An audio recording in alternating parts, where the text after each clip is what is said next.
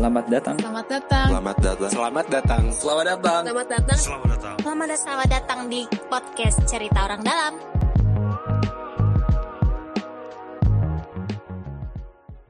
Halo, selamat datang di podcast Cerita Orang Dalam. Ah, akhirnya ada podcast yang lumayan seru nih temanya. Eh, ini tema yang hampir dicintai oleh seluruh warga Indonesia. Wah, kalau ada ini kemarin kemarin tuh pas lagi eh, sekarang kita hari Senin ya. Kemarin tuh ada bola tuh sepi tuh jalanan tuh ya. Ada bola eh, Indonesia lawan Timor Leste sepi tuh jalanan. Nah, kita akan ngomongin bola olahraga juga secara umum sama eh, tim gubernur yang ngurusin tentang olahraga dan kita ngobrol-ngobrol nih ini kan lagi rame nih ada JIS lah tapi nggak cuma JIS gitu tapi ada eh, lapangan Ingup nah ini kita ngobrol langsung dengan Mas Gian betul? Ya mungkin Siap, kenalan dulu Mas Gian siap. silakan. Oke, gua kenalannya status juga sih? status boleh. Punya anak berapa juga boleh ya. Ukuran sepatu sekalian ya. Ini lengkap amat ya. Ya udah. Oke oke oke. Thank you bro, ini undangannya cukup seru. Jadi eh, dan pertama kali ini datang sini nih. Iya betul betul betul. Eh, Kita tadi debat loh sama tim produser. Gian tuh udah pernah datang apa belum? Baru pertama kali Udah, datang. Tuh pertama kali ya. Aris ya pertama kali Riz. Pertama kali. Thank you bro, thank you. Tapi nggak apa-apa sih, bagus undangnya pas di sini ketimbang pas undangnya di awal-awal atau di pertengahan. Jadi kita belum komprehensif bisa. Oh dibahas. siap benar. Kalau sekarang kan biar langsung full Benar. materinya. Sekarang ada yang bisa dipamerin ya. Ada yang bisa dikomentarin. Daripada kemarin gua Kemarin ngomong cuma ngomong doang kan. Makanya. betul betul. Sekarang ada yang dipamerin. Ada. Ya, gua Gian Sitorus, nama panjang sebenarnya nama lengkap Gian Velian Rupardamian Sitorus, Oh panjang, panjang banget. banget. Eh, megang Dispora khususnya Dinas Pemuda dan Olahraga serta beberapa dinas teknis lainnya tapi sebagai supporting. Tapi utama isu utamanya di Oh, olahraga dan oke. pemuda. Siap. Gitu, Nah, Bro. Tadi kan gue udah mancing dikit nih soal eh, JIS dan lapangan Ingup. Gue langsung eh, sedikit nih spesifik soal lapangan Ingup nih. Sebenarnya lapangan Ingup ini awal mulanya tuh dari mana sih tiba-tiba eh, apa namanya? Kok kepikiran nih ada revitalisasi ini lapangan Ingup? Eh, mungkin bisa dijelasin juga nanti ada di mana aja dan sebagainya. Mungkin bisa dijelasin. Sebenarnya eh, kalau eh, ditarik dari awal ya dasarnya sebenarnya gini. Eh, ada multi konsep yang digagas di bidang olahraga. Oke. Memang konsep utamanya memang tentunya eh, gimana caranya menyerap eh, aspirasi, mengimplementasikannya sebagai program di DKI dengan tepat guna dan sesuai eh, anggaran yang efisien dan efektif. Kayak visi misi ya. Ya kan? Turunan skema utamanya kan Iya, gitu. iya. Dia lo lagi ngapalin mau maju kampanye gimana? Visi misi. Ba- Bahasanya baku bener. Iya. Jadi kan gitu tuh. Ah, iya, iya, biar iya, keren dikit dulu benar, bro. benar. Sebelum konyol-konyolnya keluar nih. benar, Nah, benar, benar. dari situ diturunin kita tuh sebenarnya gini kalau eh, dilihat sejarahnya beberapa periode atau beberapa tahun kebelakangan terkait sama olahraga Hmm. sebenarnya kan masih banyak banget yang namanya eh, apa implementasi baik dari sisi fisik maupun kegiatan-kegiatan yang nggak tepat guna tuh Oh, Oke. nah makanya ya, ya, ya. Bisa dimengerti, bisa ya kan? dimengerti. Nah, eh, akhirnya tumpang tindih tuh. Hmm. Yang kebutuhannya warga terkait olahraga A, tapi yang kita implementasikan Oh, ternyata B. oke. Karena mungkin nggak pernah ngobrol langsung. Nggak pernah sama- ngobrol langsung. Oke. Nah, makanya buat ngerumusin itu, akhirnya eh, kita pakai skema untuk melibatkan semua st- stakeholder, seluruh Oke. stakeholder. Jadi pelibatan masyarakat tentunya yang utama Oke. unsurnya kan, st- apa namanya stakeholder yang lain, ter- eh, akademisi, ada Hmm. ahli-ahli juga di sana, lalu juga eh, mereka yang memang masuk di dalam baik komunitas yang amatir maupun komunitas profesional. Oke. Nah, jadi rumusan itulah yang kita bentuk sehingga jadi eh, program yang ada sekarang. Nah, eh, yang berikutnya eh, konsepnya adalah bagaimana menciptakan ruang ketiga Oh, publik. oke. melalui olahraga. Yang itu kan biasanya kalau Pak Gub bilangnya ruang ketiga itu adalah kalau di antara rumah sama kantor atau sekolah. Iya, Betul. betul, exactly. Nah, jadi kan eh, sekarang udah banyak program-program yang lain itu yang implementasi program apa ruang ketiganya itu berjalan secara optimal. Hmm, Nah olahraga ini sebenarnya juga seksi juga, benar. jadi kunci utama juga gitu. Yang namanya olahraga tuh kita nggak pernah bahas yang namanya lu dari suku mana, Benar, agama lu apa, lo tua lo muda Benar. gitu kan. lu demen bola, ya pokoknya bola, bola aja, demen olahraga aja ya. Iya, mau lu kece, mau lu cantik, tajir, ya Allah apa kece, gitu kan. jadul sekali ya pemirsa. Iya sih, ya kan itu udah nggak ada gitu loh. ya lu ketemu di lapangan, ya kan, eh, mau itu olahraganya apa aja, Nah, lu fun, lu interaksi, berkeringat, sehat, Nah, bugar gitu kan. Udah gitu, eh, yang terakhir, yang namanya indeks pembangunan eh, suatu daerah atau suatu masyarakat dikatakan bisa sehat dan Hmm. bugar ketika anggaran yang dikelola oleh dinas olahraganya itu dengan eh, dibandingkan dengan anggaran yang dikelola oleh dinas kesehatan itu berbanding terbalik.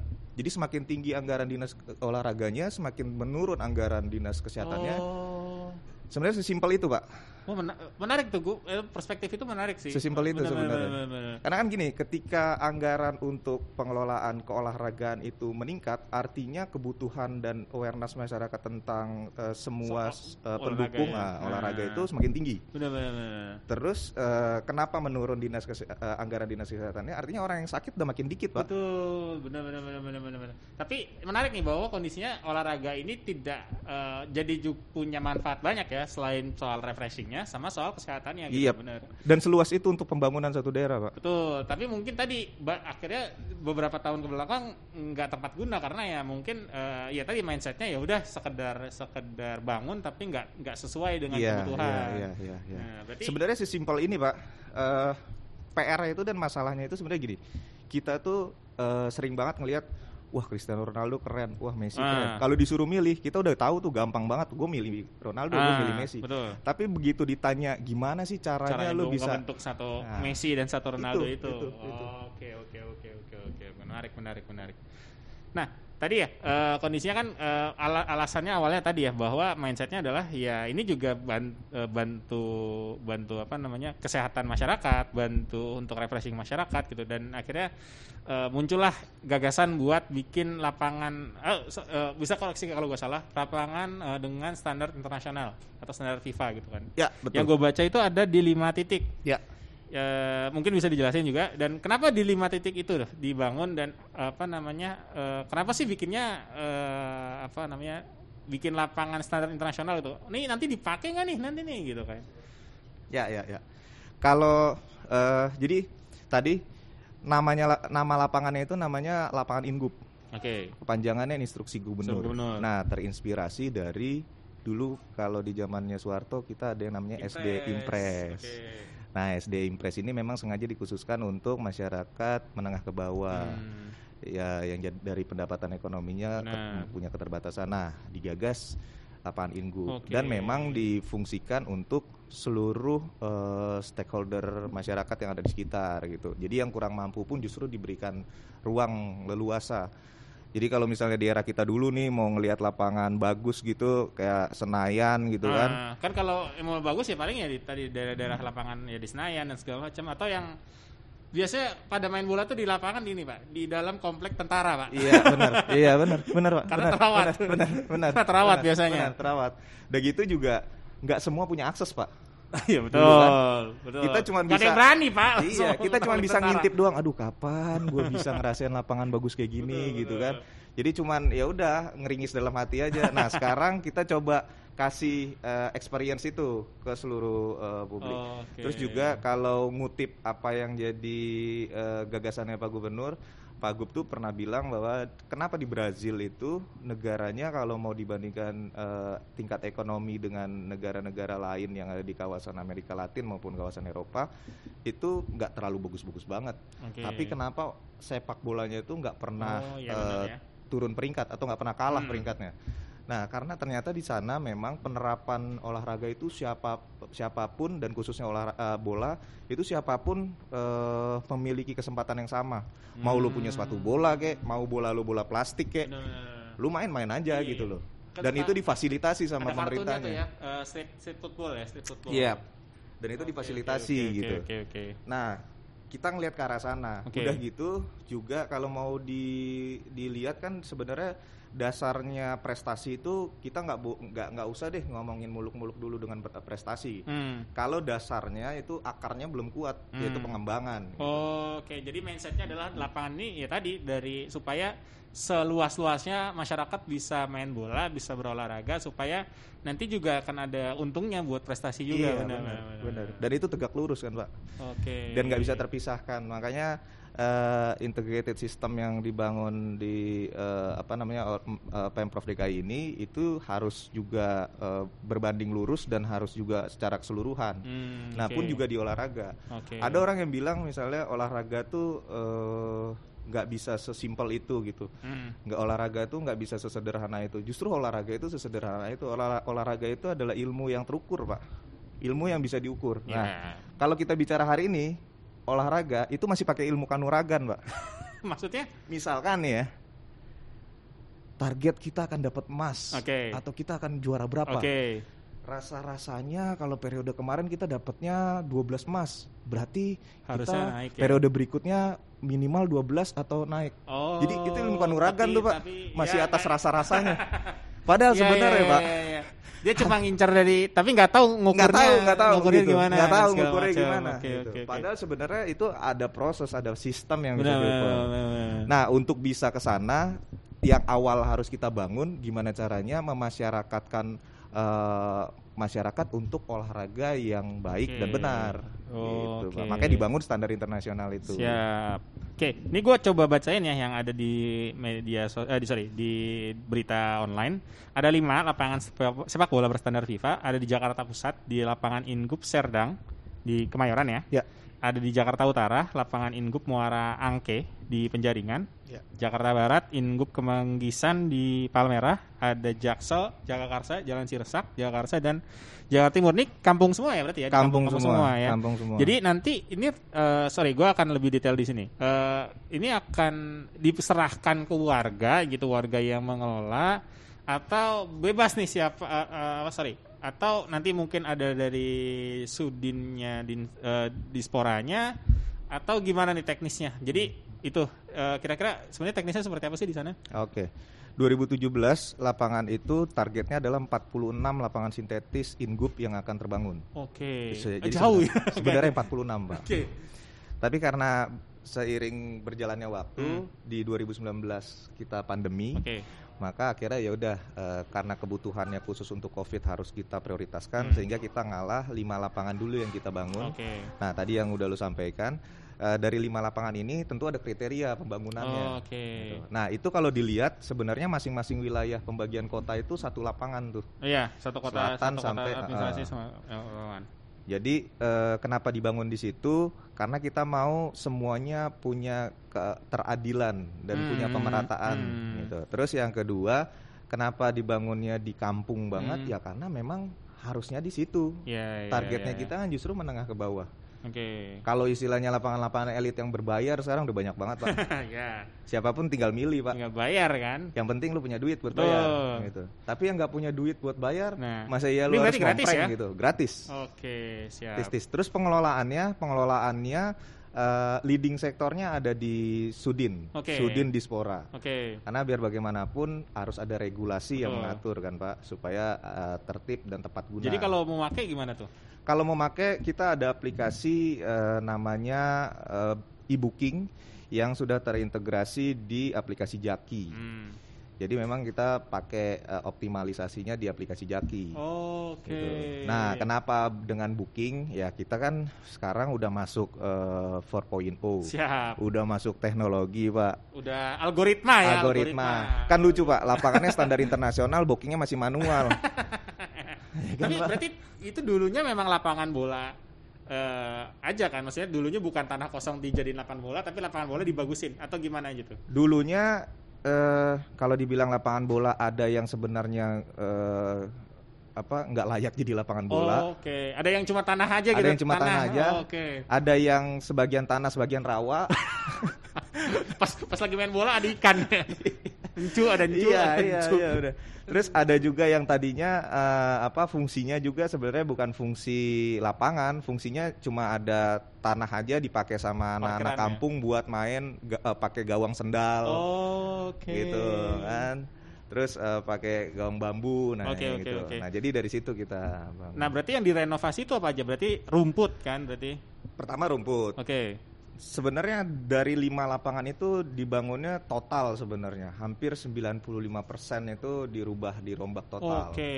Jadi rumput terus dari rumput sendiri aja kita ada eh, kurang lebih 15 lapi- lapisan tuh buat rumputnya itu. Uh. Itu Karena kalau kalau jatuh empuk nggak tuh?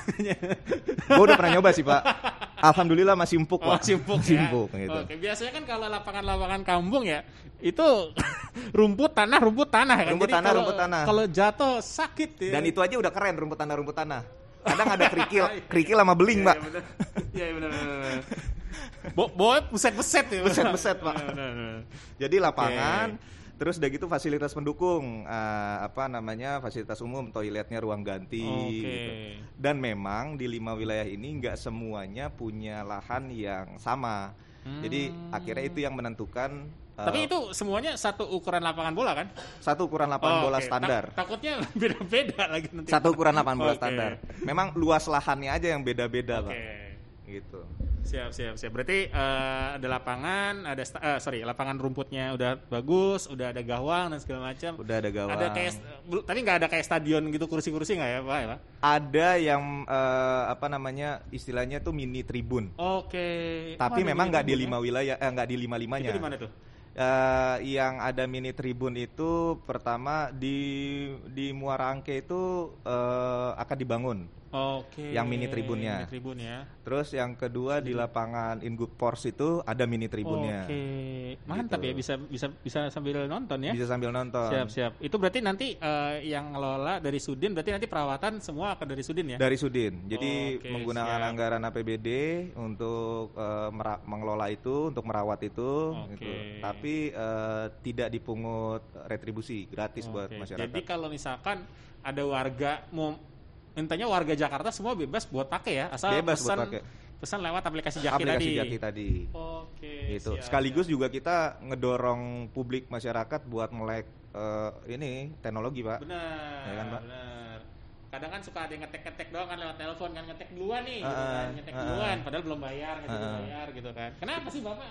Komen-komen aja nih Bapak. Udah gitu juga sebenarnya ada beberapa faktor yang penting kenapa kita pakai ke aplikasi. Oke. Pertama, eh, ya kita bicara pengalaman zaman dulu ada yang namanya pungli, ada Oh, yang namanya oke. eh, pilih kasih. Benar. Ya kan, terus ada yang benar. namanya tiba-tiba lo bisa ngeblok satu bulan gitu full untuk pengelolaan, nah, ya kan, atau pemakaian gitu. Eh, Nah, bisa, ini bisa, ini bisa, kan bisa, bukan bisa. zaman company lagi pak, ya nggak sih pak?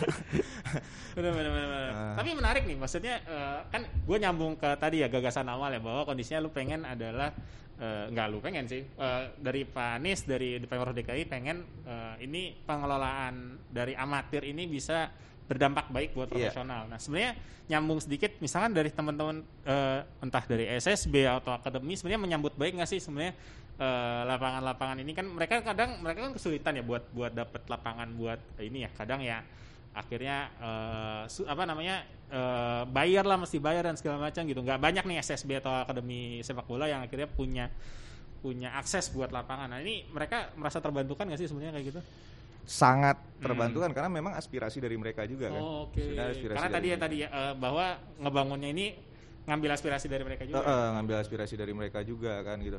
Kan eh, istilahnya lu mau lari aja harus mengawalinya dari ngerangkak dulu kan. betul Nah ini mau teriak-teriak prestasi bolanya harus keren harus apa gitu. Terus lapangannya masih lapangan begitu kan lucu benar banget. benar ini lapangannya ada lampunya kan pak ya Ada pak, lapangan ada Penting ya. lampunya. nanti lapangan mainnya cuma siang sama sore doang kan kasihan juga Jadi ya. semua lapangan pakai lampu, lampunya lampu digital, ya Wis, kan pak. digital. Pokoknya kalau mau dibandingin, ya kita bisa lihat lah langsung di sana. dibandingin sama stadion di Indonesia gimana ya Kalau mau dibandingin sama, ya kalau stadion Indonesia kapasitas stadion pak. Tapi kalau dari sisi kan suka ada yang mati lampu juga iya, pak Iya, iya benar sih, benar. Tapi kalau dari sisi feel of play-nya itu eh ya bisa di- bisa dibilang sama lah Oh, gitu. oke oke oke Jadi sebenarnya lu mau main sampai jam 1 pagi itu sebenarnya bisa. gitu. itu, itu meriang pak kelar main meriang pak jam satu pagi pak tapi Siapa tahu sambil ngeronda, Pak. tapi tapi menarik tadi maksudnya eh, apa namanya gagasan bahwa infrastruktur fisik nyambung dengan eh, pembinaan dan segala macam. Sebenarnya dari dari pemprov DKI dari dari gubernur sendiri sebenarnya apa aja eh, mungkin gua tarik ke dinas ya. Apa sih program-program yang mungkin nyambung untuk untuk membantu nih eh, para orang-orang yang pembinaan di dunia amatir ini untuk bisa tadi punya punya punya manfaat juga buat buat profesional. Ya, ya. Eh, sebenarnya kalau kita bicara bola nih tadi eh, nggak cuman bola kalau untuk di Hmm. Oh, iya di pemprov kan jadi semua fasilitas itu eh, semua cabang olahraga itu coba untuk eh, mengalami pembangunan yang sama dan merata gitu yang Nah. adil nah eh, tahun ini aja kita mau bangun ada 14 eh, gor yang akan direvitalisasi Oh iya. dan benar, itu benar, ya. eh, bukan cuma bola asal bukan jangan cuma jadi kondangan doang ya. Iya bukan ya. cuma jadi kondangan doang gitu pak kondangan sama parkir mobil pak Iya Iya, Pak. benar, benar, benar. berbayar lagi Iya iya iya. Nah, jadi di- ada bulu tangkis, ada basket, ada volley, ada Oke. futsal, ada eh, semua yang jadi cabang olahraga kebutuhan masyarakat gitu. Oke. Nah, pembinaannya tadi eh, rohnya itu harus terintegrasi, Pak. Hmm. Harus integrated. Terus eh, nyambung yang tadi sebenarnya eh, gimana sih kita kan selama ini eh, punya kesulitan gimana caranya mengelola yang amatir-amatir yang jatuhnya sebenarnya aspirasi dari masyarakat eh, langsung gitu Hmm. untuk bisa jadi eh, program yang tepat guna. Nah, Hmm. tadi itu salah satu caranya. Meskipun kayak gitu, ini sebenarnya baru PR pertama, Pak, dari sekian banyak PR. benar benar. Ini langkah langkah ini langkah pelan-pelan. Langkah pelan-pelan. Kan kalau mau dibagi dua ada hardware-nya, ada software-nya. Hmm. Nah, ini software-nya lagi coba eh, hardware-nya lagi lagi kita kembangkan Hmm. dengan maksimal, tapi kita imbangi juga tadi dengan Oke. software-nya. Itu kira-kira yang eh, GOR ini kira-kira bisa ditunggu kapan nih? Targetnya eh, di akhir tahun ini, kal- insya Allah kalau misalnya eh, apa namanya semua persiapan dan planningnya sesuai dengan target di bulan 10 kita udah bisa merasakan gor yang baru. Oke. Nah, tapi juga sebelumnya juga kita udah cukup banyak bangun juga tuh? gor-gor yang baru. Gitu Eh, di tahun 2020 itu kita udah punya eh, beberapa gor yang gua tahu tuh ada di ada di aduh lupa ini lagi namanya Kemayoran bukan sih? Eh bukan Kemayoran apa Tanjung Priok sih yang yang lupa gua ada di antara pusat atau utara tuh yang udah direvitalisasi. Ada beberapa ya kalau nggak salah yang udah direvitalisasi ya. Nah, jadi eh ini gue sebutin ya Oke. tahun sama ini ya. Jadi 2017 itu kita bangun ada velodrome, ada Oke. equestrian, ada baseball arena, ya, ada ini yang buat. Asian Games ya. Asian Games 2018 ada 7 gor. Gor Kecamatan Matraman, Gor Oke. Kecamatan Pancoran, Gor Kecamatan Pademangan, terus Gor Kecamatan Cilandak, Pademangan. Oke. Gor Pondok Bambu, Gor Kecamatan Cengkareng, yang ketujuh Gor Sekda Saifullah Oke, yang ada di Jakut ya. Rorotan. Nah, Betul, betul, nah itu betul. juga sebenarnya punya cerita yang menarik juga tuh kenapa kita bangunnya di Rorotan. Karena Karena gini, kalau pembangunan seca- dilakukan secara terpusat, hmm, orang ya udah akan merasa itu ya hal yang hal yang eh, apa namanya rutinitas saja, Oke. Pak. Tapi ketika kita bangun tonggaknya di ujung Benar, paling benar, utaranya benar. Jakarta, udah punya standarisasi yang eh, terstandar internasional. Nah, ketarik ke sininya juga orang mau bangun yang kualitasnya ecek-ecek malu tuh, Pak. Hmm. Gitu. Benar benar benar benar. Ya sih- biar biar biar eh, apa namanya ASN ASN kita nggak makan gaji buta juga sih. Wadidaw, semangat, semangat semuanya. Ini editor bingung mau hapus apa enggak. Oke, tapi menarik sih maksudnya eh, kondisinya soal soal apa namanya soal pembinaan, soal dunia eh sorry olahraga. sorry, gua ralat bukan ASN ya, oknumnya. Oke, oknum. Oke, oke. Nah, editor agak seneng nih kalau begini Iya. nih. Jadi gak usah ngedit-ngedit banget ya. Nah, apa namanya soal tadi soal pembinaan soal dunia olahraga ini jadi jadi satu hal yang luas banget ya. Eh, tapi gue mungkin akan sedikit bergeser gitu dengan dengan konteks em, apa namanya eh, mau nggak mau kita kalau ngomongin sepak bola atau ngomongin eh, dunia olahraga secara umum kan ada dunia supporter yang memang jadi satu hal yang kompleks gitu kan. Ya. Ada ada di Jakarta ada dua kelompok besar yang mungkin tidak eh, ya ada sedikit konflik-konflik. Saya gua nggak sebutin, nggak berani gua nyebutin ya. Terus atau misalkan eh, contoh baru kejadian nih eh, kemarin di gue jadi ingat nih di lapangan Inggo itu juga kejadian nih soal soal apa namanya soal tawuran juga gitu di lapangan gitu sebenarnya ad- ada ada upaya nggak sih dari dari teman dari pemprov gitu untuk untuk bisa mungkin bukan jadi satu ini ya bukan jadi polisi yang akhirnya menghukum tapi kondisinya mungkin entah mempertemukan atau mencari titik temu toleransi dan segala macam lah gitu. Mungkin ada upaya nggak sih dari dari pemprov untuk entah entah tadi ya entah tawuran di olahraga ataupun di secara antar supporter dan sebagainya itu seperti itu gimana? Ya, kalau bicara olahraga di Indonesia ya dari dulu iya agak sih, pernah lepas dari tawuran, Pak. betul.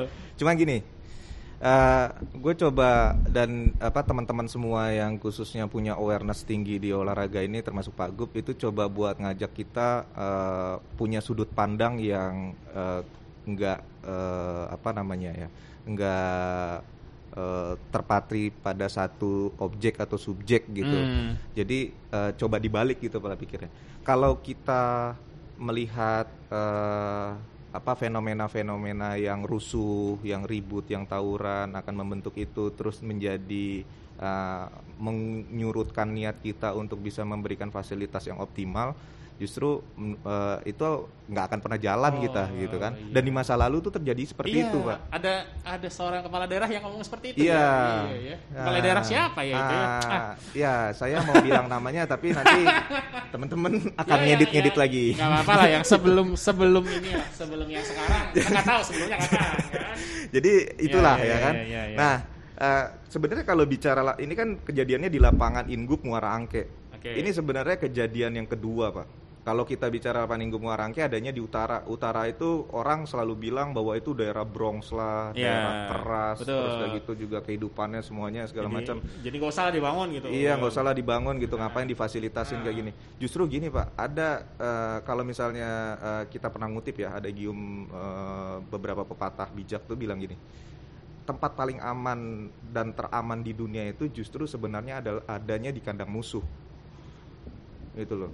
Nah kalau lo bicara tentang kerusuhan dan lo bilang kalau misalnya utara itu eh, apa namanya musuh kita, ya justru harus dibangun yang sebaik-baiknya di, di situ Oh, gitu, oke. Ini supaya kan prinsip keadilan juga ya. prinsip keadilan pak. Betul. Sekarang lo nggak usah bicara yang namanya jembatan itu bagus-bagus ada di Sudirman kalau yang di ujung utara sono nggak ngerasain pembangunan pak. Benar.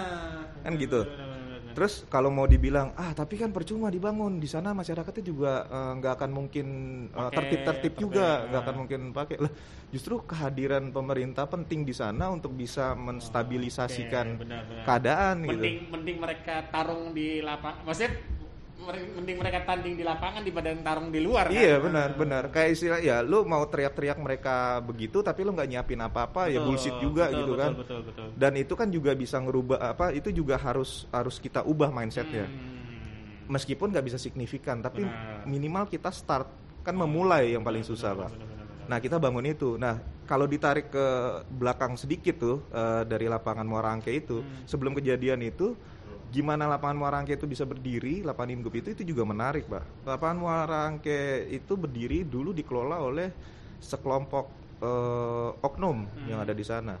Jadi eh, ada aset-aset ilegal mereka yang berdiri di sana Oke. gitu. Dan itu dari masyarakat yang ada di sana udah sering banget bentrok. Oh. Nah, solusi yang kita lakukan apa? Dan itu dan gue berani ngomong gini, eh, nggak pernah yang namanya nggak ada solusi gitu, selalu ada Oke. solusi. Karena gue merasakan dan mengalami itu sendiri.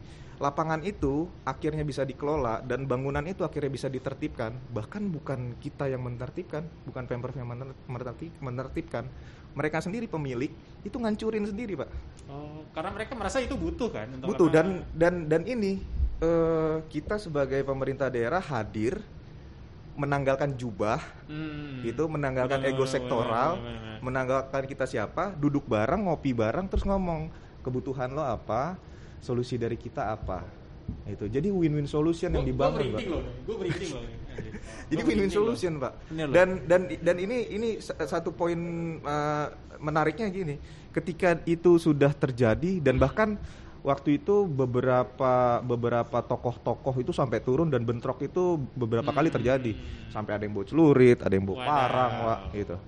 Dan kalau ditanya solusinya apa sesederhana itu? Komunikasi, Pak. ngobrol. Iya karena ya bener sih maksudnya eh, it- di sana nggak pernah mungkin jadi jadi daerah yang nggak terselesaikan konfliknya karena nggak pernah ada yang datengin dan nggak Iya. pernah mau coba selesaikan. Iya, bener, Pak. Bener sih. Lah singa aja sebuas-buasnya kalau disentuh mulu pakai hati sama manusia, ngikut-ngikut aja, Pak.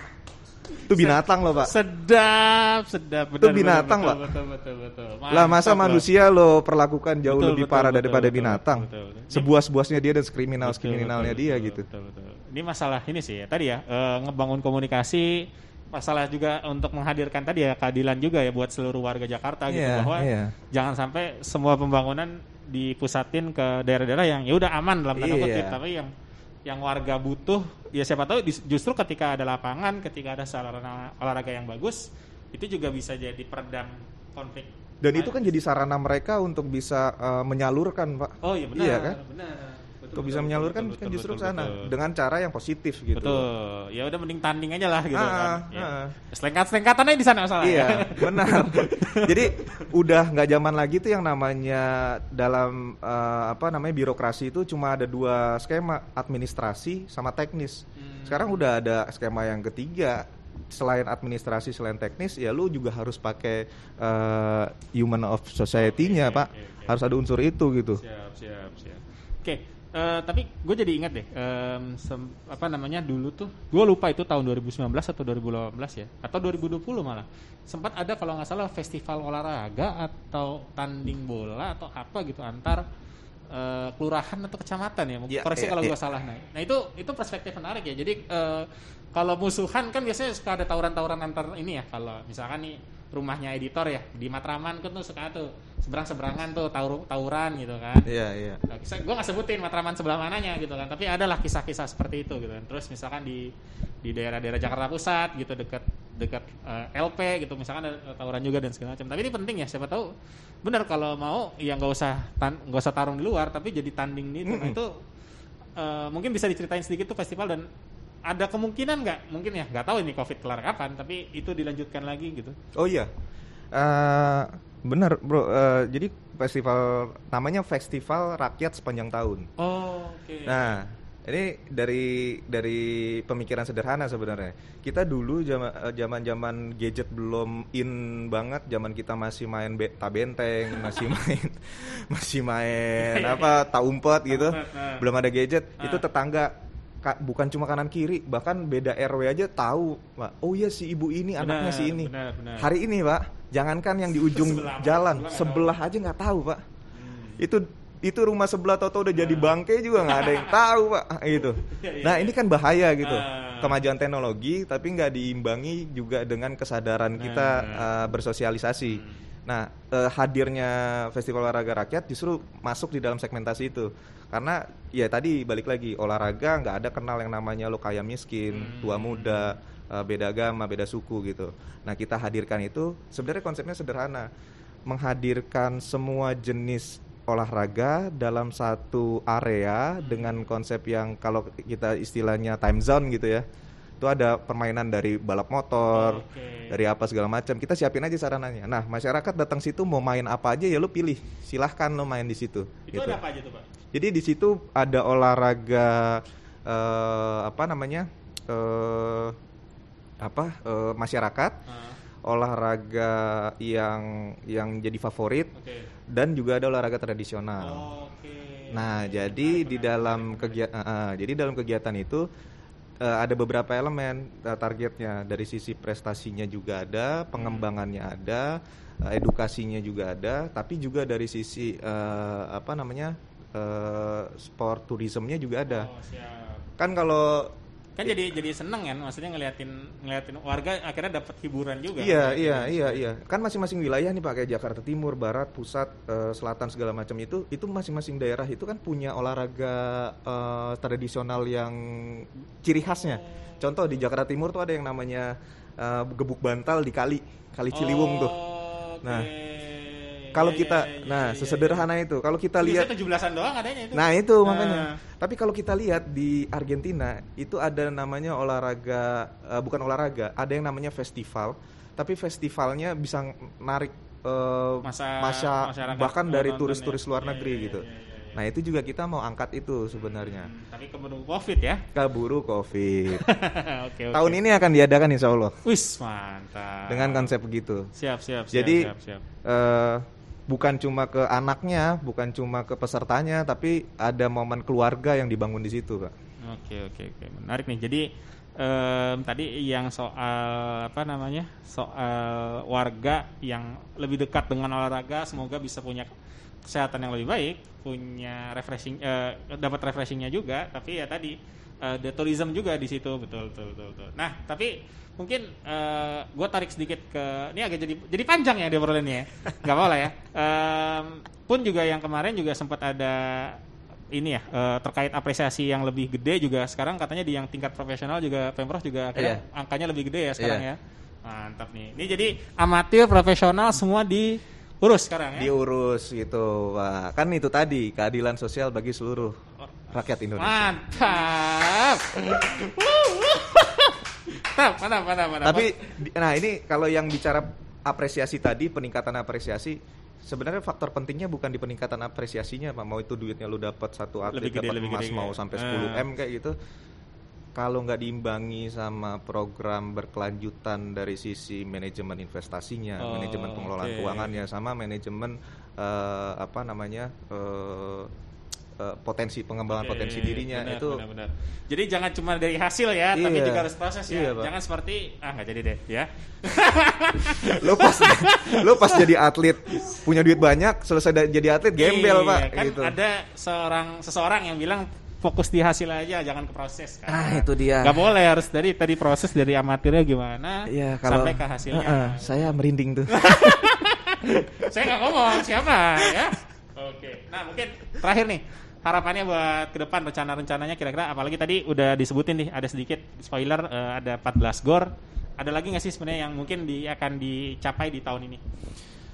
yang akan dicapai di tahun ini em, kita lagi nunggu JIS selesai Oh, siap. ya kan Udah, udah ada tahu nggak kira-kira kapan tuh kira-kira? Eh, doakan targetnya bulan Maret Oh siap. ya kan Eh, mudah-mudahan nggak bergeser Amin. jadi itu bisa amin, dilaksanakan amin. Terus juga tadi target pembangunan GOR 14 GOR baru itu Siap. eh, di bulan Oktober. Siap. Lalu juga Festival Olahraga Rakyat akan kita kembangkan Oke. eh, dan kita laksanakan. Doakan juga bisa terlaksana dengan baik. Eh, selain itu juga tadi eh, apa namanya sekarang lagi persiapan sebenarnya untuk pening. Jadi kemarin, nah ini juga eh, menarik nih. Kemarin udah kita tingkatin nih apresiasi atlet. Oke. Sekarang lagi kita tingkatin lagi. Itu jadi lebih Angkanya leb- gede lagi. lebih gede lagi dari angka yang kemarin udah kita tingkatin gitu. Mantap. Nah, itu Makin lagi. banyak duitnya. Nah, jadi makin banyak PR-nya. jadi jadi itu lagi proses administrasi, doakan bisa cepat terlaksana gitu. Terus juga eh, fasilitas-fasilitas olahraga yang lain lagi coba kita kembangin lagi juga potensinya, tapi eh, di luar itu semua itu just barang eh, Oke, dan benar. hanya eh, apa namanya ya Bentuknya fisik bentuk ya. fisik aja, Pak. Kalau misalnya nggak didukung sama SDM yang aware terhadap eh, apa namanya kesadaran untuk merawat, menjaga gitu kan, Sepakat, itu sepakat. juga nggak akan jalan dengan baik. benar, benar, benar. Terus yang terakhir juga kalau nggak dikelola dengan sistem yang tepat, nah yang terka- terakhir kita lagi coba untuk mengoptimalkan dan mempersiapkan sport science eh, sebagai sistem keolahragaan DKI Jakarta.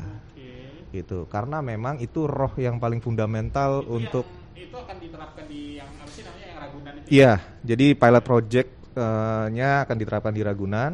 Nah, harapannya dari pilot project itu nanti bisa dikembangkan secara keseluruhan.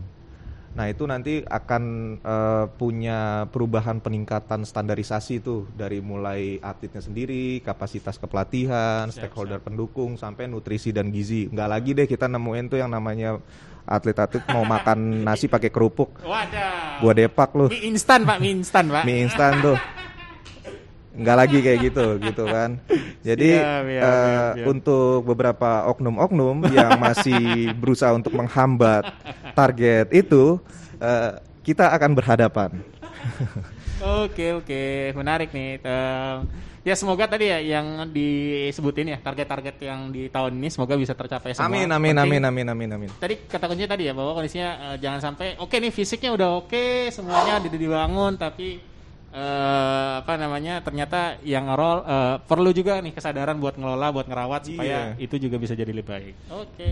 Thank Kita you, lebih Bang. gampang ngebangun Pak daripada merawat. Wes. Betul sekali. Oke, thank you banget buat Mas Gian atas cerita-ceritanya, atas sharing-sharingnya. Eh, semoga tadi olahraga baik di tingkat masyarakat maupun di tingkat atlet bisa jauh lebih baik lagi Amin. di Jakarta. Amin. Eh, dengerin terus kita cerita kita karena cerita kita ceritanya orang dalam. Bye bye. Selamat datang. Selamat datang. Selamat datang. Selamat datang. Selamat datang. Selamat datang. Selamat datang. Selamat datang di podcast Cerita Orang Dalam.